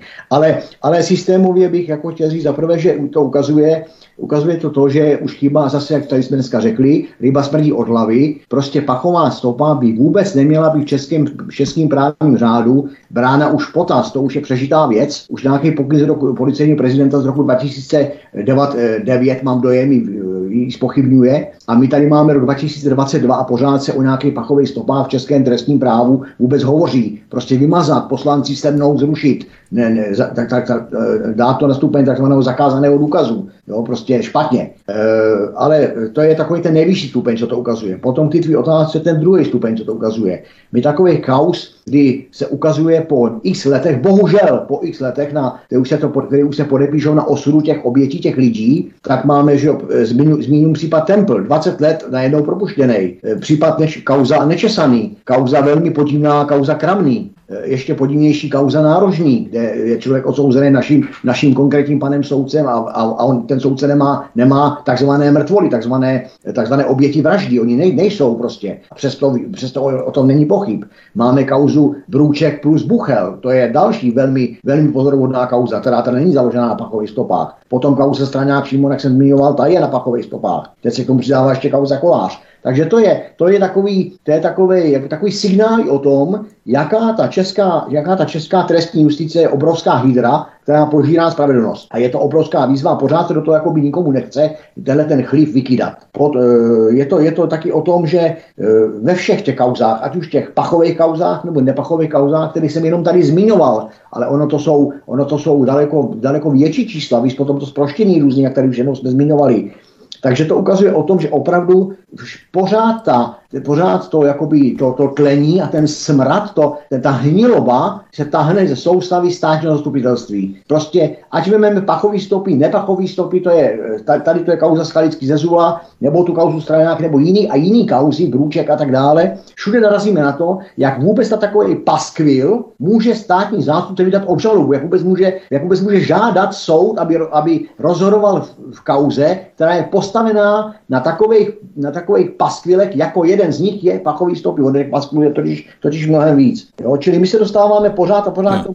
Ty potřeby, kterou, je, kterou tady v té kauze, kterou tady otevřel Skalický Zezula a zbavení, tak to byly dva náhodou, který po x letech se dostali z kriminálu ven, tedy jak, jak jsem říkal minule, měl by je tam nahradit ten státní zástupce, ten soudce, se do toho kriminálu dostali společným, rukou společnou a nerozdílnou. To se bohužel nestane, říkám bohužel, ale musíme znova jakoby i využít tady toho vysílání, bychom otevřeli těm lidem oči, aby i ta veřejnost vnímala, že opravdu ten, to, co my v tom institutu, o co se snažíme, že je potřeba eh, razit, eh, razit ten statut osobní odpovědnosti těch státních zástupců, osobní odpovědnost soudců, eh, eh, rovnost před zákonem, potom v sebe menších pochybnostech o zavinění, v sebe menších pochybnostech opravdu, tak jak to říká naše zásada trestní, ve prospěch toho podezřelého, ve prospěch toho obžalovaného, ve prospěch toho obviněného. A ne, že něco dovozovat a vyvozovat jinými slovy, prostě mám představu tam toho člověka dostat do toho kriminálu, tak ho tam prostě dostanu. Zase obráceně mám zakázku, že ten či onen očividný gauner, který už v tom kriminále měl být pomalu od narození, kde úplně už je trestně čin jenom to, že se narodil, tak prostě máme zakázku a pan soudce nevidí, pan soudce neslyší, důkazy neuznává, důkaz je nevěrohodný, jo, svědek je taky nevěrohodný, přestárlý, eh, pomatený, popletený, takové výrazy eh, padají v praxi v soudních síních a to je jeden hnus. Čili tady je potřeba opravdu osobní odpovědnost soudců. Eh, já si myslím, Aha. že ta obludnost těch pachových stop jako důkaz je, jak jsem říkal, to už tady, to už jsem tady zmiňoval, je potřeba neprodleně eliminovat vůbec z českého právního řádu. Tomu,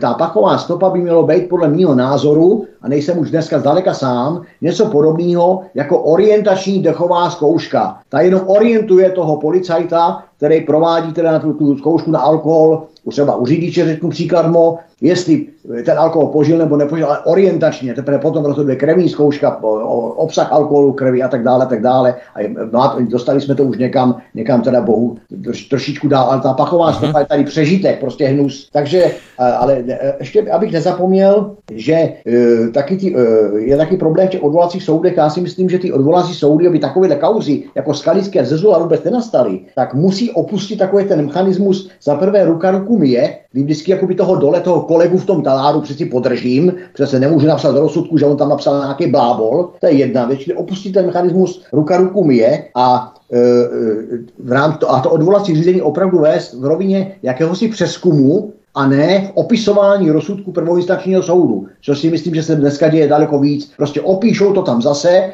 a víceméně se nezmění, jak se říká, koza se nažere, nebo vlk se nažere, koza zůstane celá. Ale nezapomínejme na podstatě, a tím to chci uzavřít tady ten můj příspěvek, nezapomínejme taky na, my jako říkáme, justice, státní zástupci, soudci, to už je to spirála taková to vzniká, byť oprávněná spirála kritiky, ale nezapomínejme taky na sortu advokáti, protože e, kdyby ti advokáti opravdu, e, jak bych to řekl, Eh, hájili toho podezřelého, obžalovaného, obviněného tak, jako by hájili svoje děti nebo příslušníky svoje rodiny, tak celá řada kaus by nedostala, by se nedostalo do takového stádia toho, že v kriminále sedí nevinný člověk. Ale bohužel, a to si přiznejme naprosto otevřeně, že je celá řada advokátů, já tomu říkám advokáti zlatokopy, zlatokopové, anebo obchodníci s nadějí, kteří prostě zaprvé, když se mají zadarmo otočit na konečkové židly, tak se kroutí, jako by měli, měli e, žušníkový záchvat, protože to, to by se museli otočit zadarmo. A za druhý, Oni mají strach z advokátní komory. Proč se advokát bojí advokátní komora? Potom se dostáváme k tomu, čeho se bojí advokátní komora? Politických vlivů, politických tahů? A dostáváme se vlastně tam, co tady Alenka otvírala vůbec náš vstup, náš pořád. Dobrá, aby to nebyla taková matrioška, že odvíráme pořád další další témata, mohli bychom to nějak zakončit zmínku. No, tak to, dál. že prostě další je taky potřeba věnovat pozornost i té advo, advo, advo, sorty advokátů. Asi takhle. Dobré. Kandidátka na prezidentku Alenka Vytázková a Zbyněk Prousek, soukromý detektiv Lovec Šmejdů, jsou hosty u nás na svobodném vysílači od mikrofonu vás zdraví Vítek, písnička je před námi a po ní pokračujeme, vstupujeme do poslední části našeho vysílání. Hezký večer. Od mikrofonu svobodného vysílače Studia Tapin Radio nebo na kanále Odyssey vás zdraví Vítek. Spolu s námi jsou tu kandidátka na prezidentku Alena Vytázková, soukromý detektiv Lovec Šmejdů a člen výkonné rady Institutu Aleny Vytázkové Zbyněk Prousek. Alena Vytázková, nejvyšší státní zástupce, nařídil prověřit postup v kauze Bečva. Odkaz číslo 4 v popise pořadu na Odyssey. Opět jde o systémovou záležitost, která se vrací jako bumerang. Není tohle vracení se kauzy Bečva důsledkem odfláknutí a zakrývání stop už od prvopočátku té kauzy Pečva, takže se nám to bude neustále vracet stejně jako se vrací spousta dalších kauz, že si takto justice a systém vyrábí nekonečné kauzy. Alenko. Tak my se kauze Bečva jako institut náš věnujeme od prvopočátku. Od prvopočátku jsme dělali kroky k tomu, aby ten případ byl co nejrychleji objasněn a skuteční pachatele, aby byli potrestáni. Eh, komunikovali jsme jak s ministerstvem životního prostředí, eh, eh, inspekci, dávali jsme podněty na státní zastupitelství, především kvůli dohledu eh, náš spolupracovník, který vlastně eh, celou tuto kauzu od počátku měl v kompetenci dohlížet na ní, náš spolupracovník jako eh, institutu, pan Pavel Štěpán, se jí věnoval a věnuje stále tak důsledně, že máme natočené i video o postupu, co se tam zanedbalo a proč. Eh, chci upozornit, že pan Pavel Štěpán je eh, bývalý policista a eh, v těchto praktikách šetření se vyzná, proto jsme věděli, kam se obrátit a kam si stěžovat. Nicméně... Do toho jemně vstoupím, Alenko Pavel Štěpán, my jsme s ním právě i spolu s Pavlem Nováčkem točili no. dvou dvoudílný pořad pro posluchače právě o kauze Bečva, tak pokud chcete, milí posluchači, najděte si to na kanále Odyssey. Pavel Štěpán, Pavel Nováček, kauza Bečva. A to je opravdu velmi zajímavé. Ano. A to teď pokračuje, jo? To, je, to je teď čerstvé věci, kdy se podávaly jak trestní, protože se odhalily další věci, že tam skutečně došlo k pochybení eh, jak vyšetřovatelů, tak eh, k, eh, stát, tak k dohledu státního zástupce. Teď jsou poslední dopisy nebo poslední upozornění na pana ministra Blaška, Prostě je ta záležitost stále, já nechci říct z naší strany bombardována, to teda rozhodně bombardováno není, ale skutečně se obracíme i na státní zastupitelství jako institut, jako Pavel Štěpán a jeho vlastně ta skupinka a e, já se domnívám podle toho zjištění, které máme, že skutečně se jednalo o záměr celou tuto e, kauzu zamest pod koberec a těch 40 e, tun ryb a zneči, z likvidace vlastně všeho živého v té řece Bečvě, takže mělo být navždy zameteno pod koberec a eventuálně obvinění ti, kteří s tím nemají nic společného, což v této chvíli probíhá. Jelikož jsme považovali hnutí přísaha eh, Roberta Šlachty za hnutí, které před volbami hovořilo právě o eh, tom, že nechce korupci v těchto oblastech, nechce, aby se kauzy zametaly pod koberec, dokonce poukazovali na některé věci, jak budou šetřit, jak milé budou v parlamentu, tak jsme se na ně obrátili jako institut, aby nám pomohli eh, v apelaci na mm, eh, právě státní zástupce a na policii, aby ten případ se skutečně došetřil. Takže jsme jim dali podklady, dali jsme jim dokonce to mm, poslední video. Teď bude vycházet další video kolem Bečvy A dostali jsme takovou odpověď, že nás to zarazilo, protože nám bylo vysvětleno, že eh, vlastně zasahujeme do věcí, které se šetří a že oni prostě se nemůžou jít dívat do spisu, přitom nikdo jako nechtěl, aby se šel někdo dívat do spisu. Prostě ze znalosti věcí, které máme, eh, tak upozorňovat, že tam eh, došlo k selhání jak vyšetřovatele, tak dohledového státního zástupce a tím pádem k maření spravedlnosti, což je dneska trestný čin i z jejich hmm. strany jsou takové trapné výmluvy, že se můžou dělat do spisu, tomu takhle můžou reagovat eh, u každého případu. No já mám, já mám právě pocit, že oni teď, jak už se dostali do té uh, politiky, protože dneska už jsou v politice, měli 4,5% prostě volební výsledek, takže už k tomu mají i nějaké dostatečné finanční prostředky přes 60 milionů korun, takže už se na to dívají politické, už se na to nedívají z toho pohledu zájmu, veřejného zájmu a že se jim asi tento případ zrovna nemusel hodit do toho, aby se mu věnovali kulantně řečeno. Ještě Alenka Vytázková, co myslíš, že můžeme čekat od takovéto další prověrky šetření kauzy Bečva, i kdyby nakrásně zjistili, že se kauza vyšetřovala špatně. Nicméně vzorky vody zmizely, stopy jsou zahlazené. Co tím kdo získá? Tak eh, tam by mohlo dojít k tomu, že jak vyšetřovatel, který pochybil, no, pokud se prokáže, že pochybil, že zmizely vzorky, že nebylo, že, že, eh, že vyšetřovali pozdě, eh, že eh, vyslýchali svědky pozdě, nebo nevím, s nějakýma... Měsíc a půl, jak jsme se bavili s panem Štěpánem, měsíc a půl od toho 20. září 20. Takže pokud se prokážou tyto pochybení a zároveň i pochybení státního zástupce toho dohledového, protože on už v počátcích dával, že se to objasní 20 ku 80, těch 80% dával, že se to neobjasní. tak já bych tam viděla skutečně maření spravedlnosti a tvrdý postih, a tím myslím trestně právní postih eh, těchto hm, lidí, kteří takto mařili vyšetření z nějakého důvodu a ono by to začalo trošku jinak fungovat v tomto státě. Ti další už by si to nedovolili. Ale pokud nebudou tito hm, lidé Eh, prostě stíhání a bude se hovořit o tom, že to byl jejich názor, že mají čas šetřit, nebo že, že je to jasné, že se to nevyšetří. Když řekne dozorový státní zástupce, tak pak si řeknu, tak jak dozoruješ, tak připravuješ kroky k tomu, aby se to nevyšetřilo, což máš spravedlnost a na to je paragraf a je tam odnětí svobody.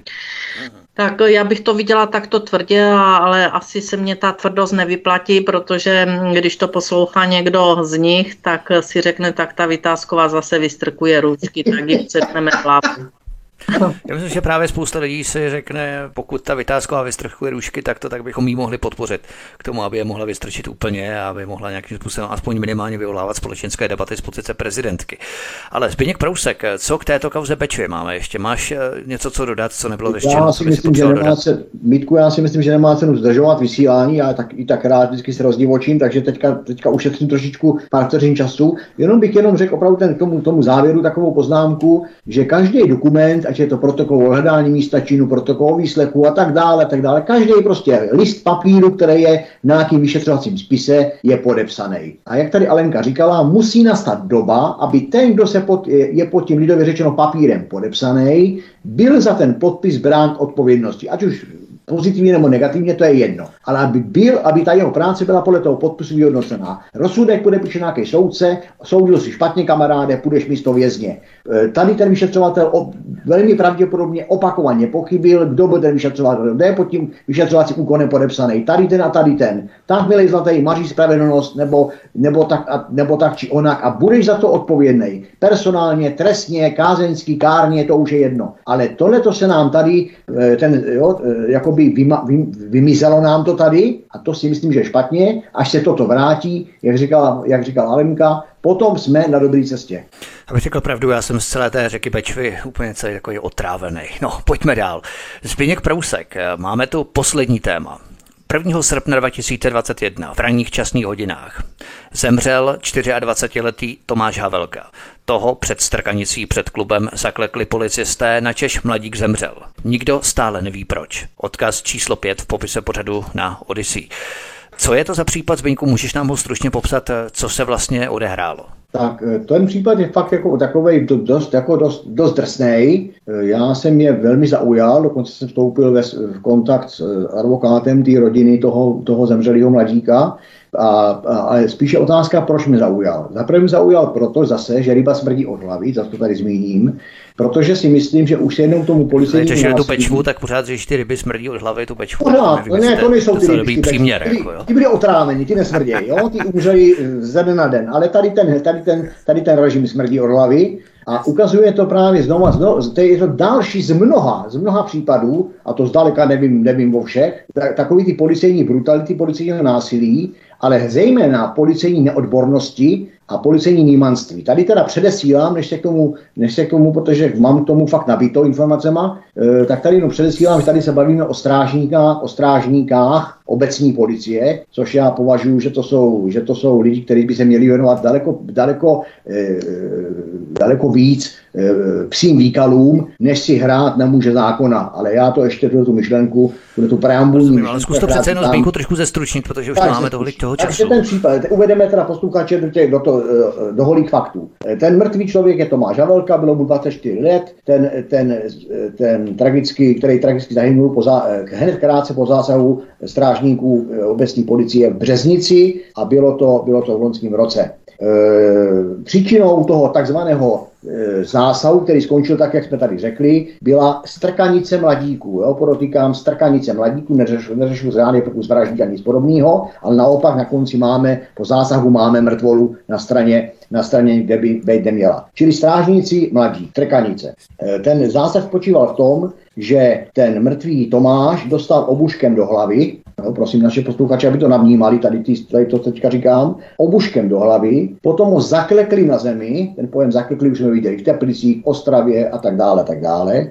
A potom ho, jeden, potom ho, potom ho strážník střelil plynovou pistolí. Podotýkám, že plynová pistole, pokud vím, není ve výbavě strážníků obecně ani městské policie. Takže e, byla to svévo, jakási v úvozovkách svévolná zbraň a byla použita naprosto mimo zákon. Aspoň to je můj názor. Když, e, když teda poté toho stál tu ránu obuškem do hlavy byl, a byl zakleknut e, a byl střel, bylo střelit do něj tou plynovkou, tak si flákli o zem a to dokonce to tak, že spát, jak se říkali, řeknu to velmi brutálně, hubou do střepů. Na tom chodníku bylo moře střepů, to, to toho strážníka jako by nezajímalo, protože jeho arogantní moci, proč by to zajímalo, tak tím fláknul e, e, obličejem do střepů, tím způsobil další zranění a takto ten, ten zákrok, zákrok probíhal. To, že ten zákrok byl jako zákrok proti strkanici, to si, což si kvalifikovali sami strážníci, jo, že to pouze oběžnou strkanici, no tak ať si udělá každý posluchač sám, nebudu zdržovat. Čili e, a následek byl takový, že, že e,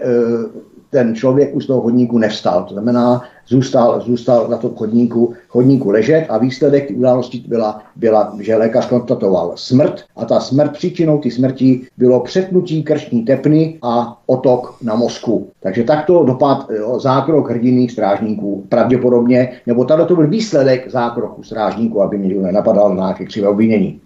E, čili já bych tomu dodal e, takovou, takovou úvahu.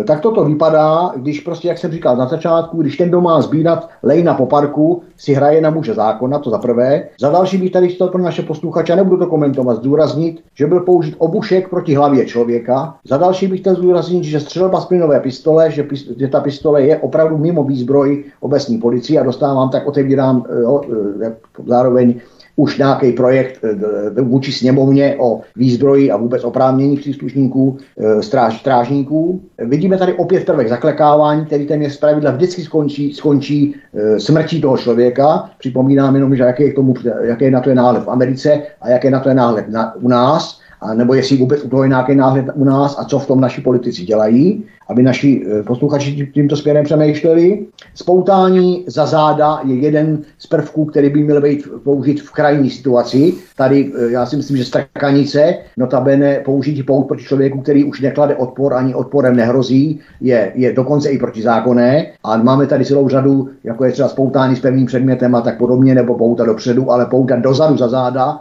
a ještě držkou na zem je opravdu ten nejbrutálnější způsob e, zákroku, který by měl, e, nebo takhle je to, je to z hlediska přiměřenosti je to to poslední, co může být. E, a nemluvím tady o těch, o těch střepech, tím nebudu zdržovat. Čili kde tady vidíme schodu, to je druhý takový blok. Je tady schoda s teplickým zákrokem, který končil pochopitelně následkem smrtí, kdy potom byla ideální, ideální, jak jeden kryl, druhý ruka ruku mije.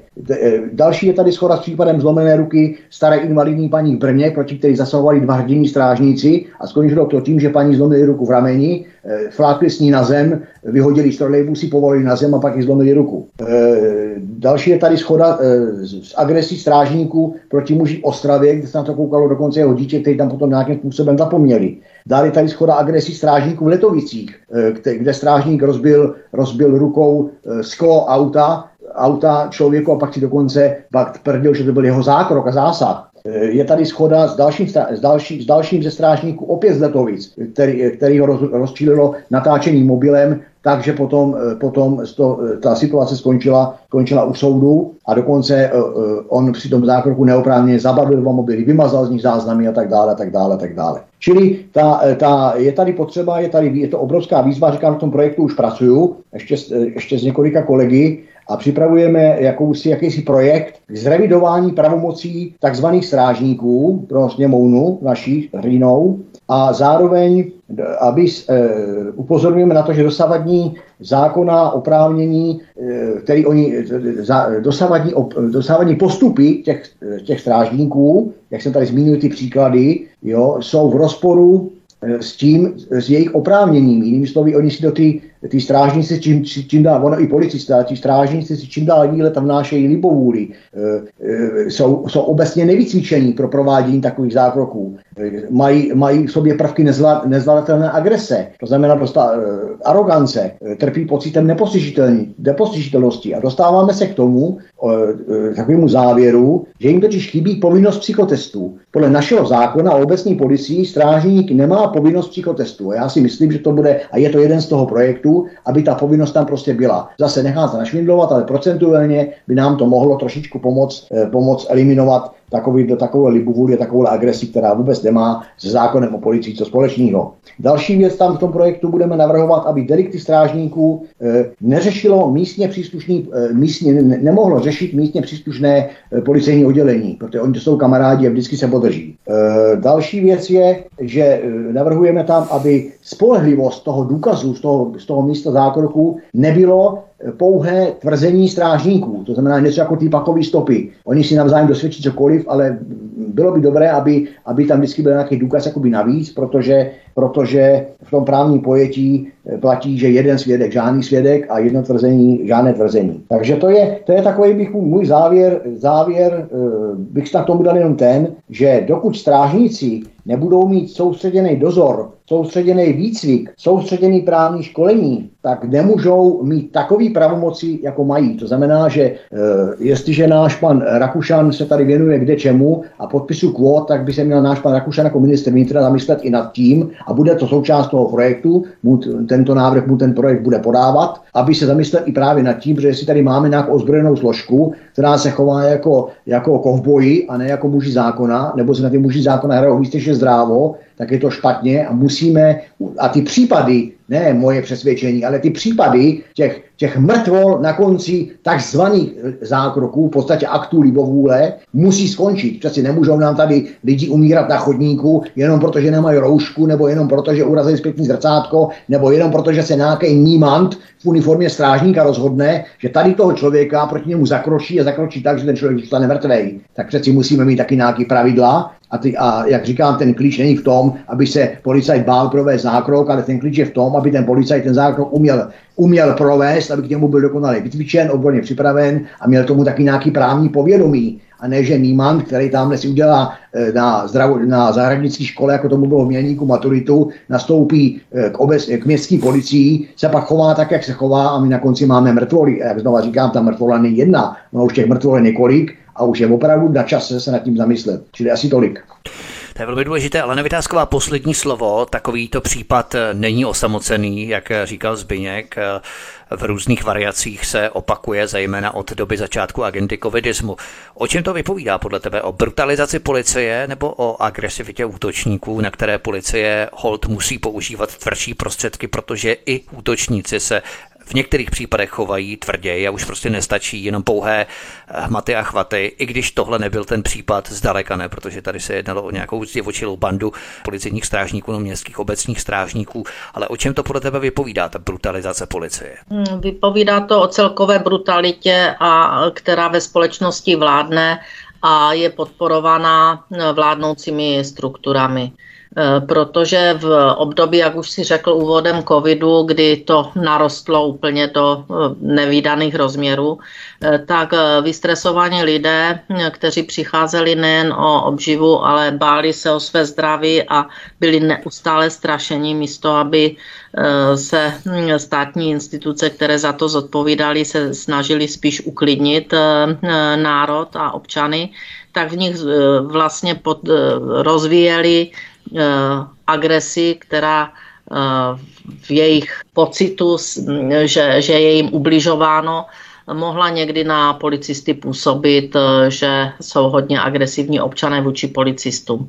Na druhé straně dala, dali politici policistům do rukou vlastně ten obušek, aby jim dovolili mlátit hlava nehlava toho, kdo e, neposlechne a tu roušku nasazenou nemá v té chvíli, kdy to ten policista vyžaduje.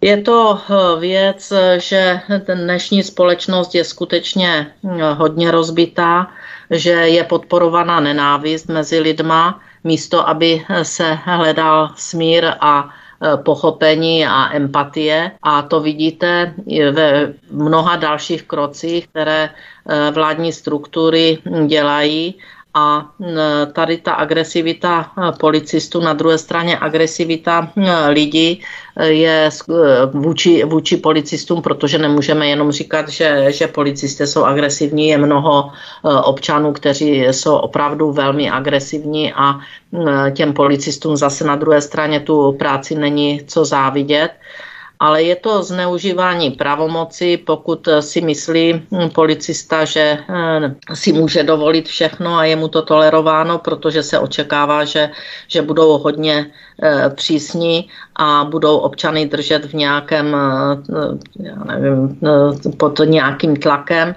Já se domnívám, že ta společnost je skutečně ve stavu, kdy zásadní změny jsou nutné, zásadní změny k tomu, aby eh, byla morálka eh, u lidí jiná než je, a to nejen pracovní, protože ani pracovní morálka není v pořádku. Vidíte, kolik je eh, nedostatku pracovních míst různých profesí, ale to vše spočívá právě z toho důvodu, že vládní struktury tomu napomáhají. Jím se líbí, když se mezi sebou jsou rozbroje, rozpory, agresivita, ono se líp vládne.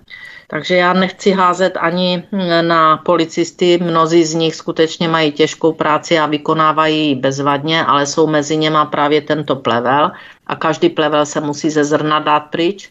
A na druhé straně občané jsou mnohdy skutečně velmi agresivní ve, v, obla, v oblastech, kdy ta agresivita není na svém místě, protože se nebrání, ale, ale chtějí útočit.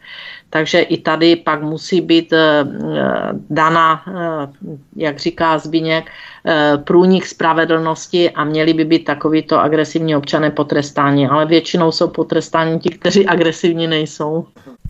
Tak to by bylo všechno v rámci toho dnešního pořadu, našeho dnešního vysílání. Já poděkuji kandidátce na prezidentku a předsedkyni institutu Aleně Vytázkové. Lenko, moc děkuji, měj se moc hezky a příště se budu těšit na slyšenou. Já taky děkuji a zdravím všechny posluchače a také se těším na příště.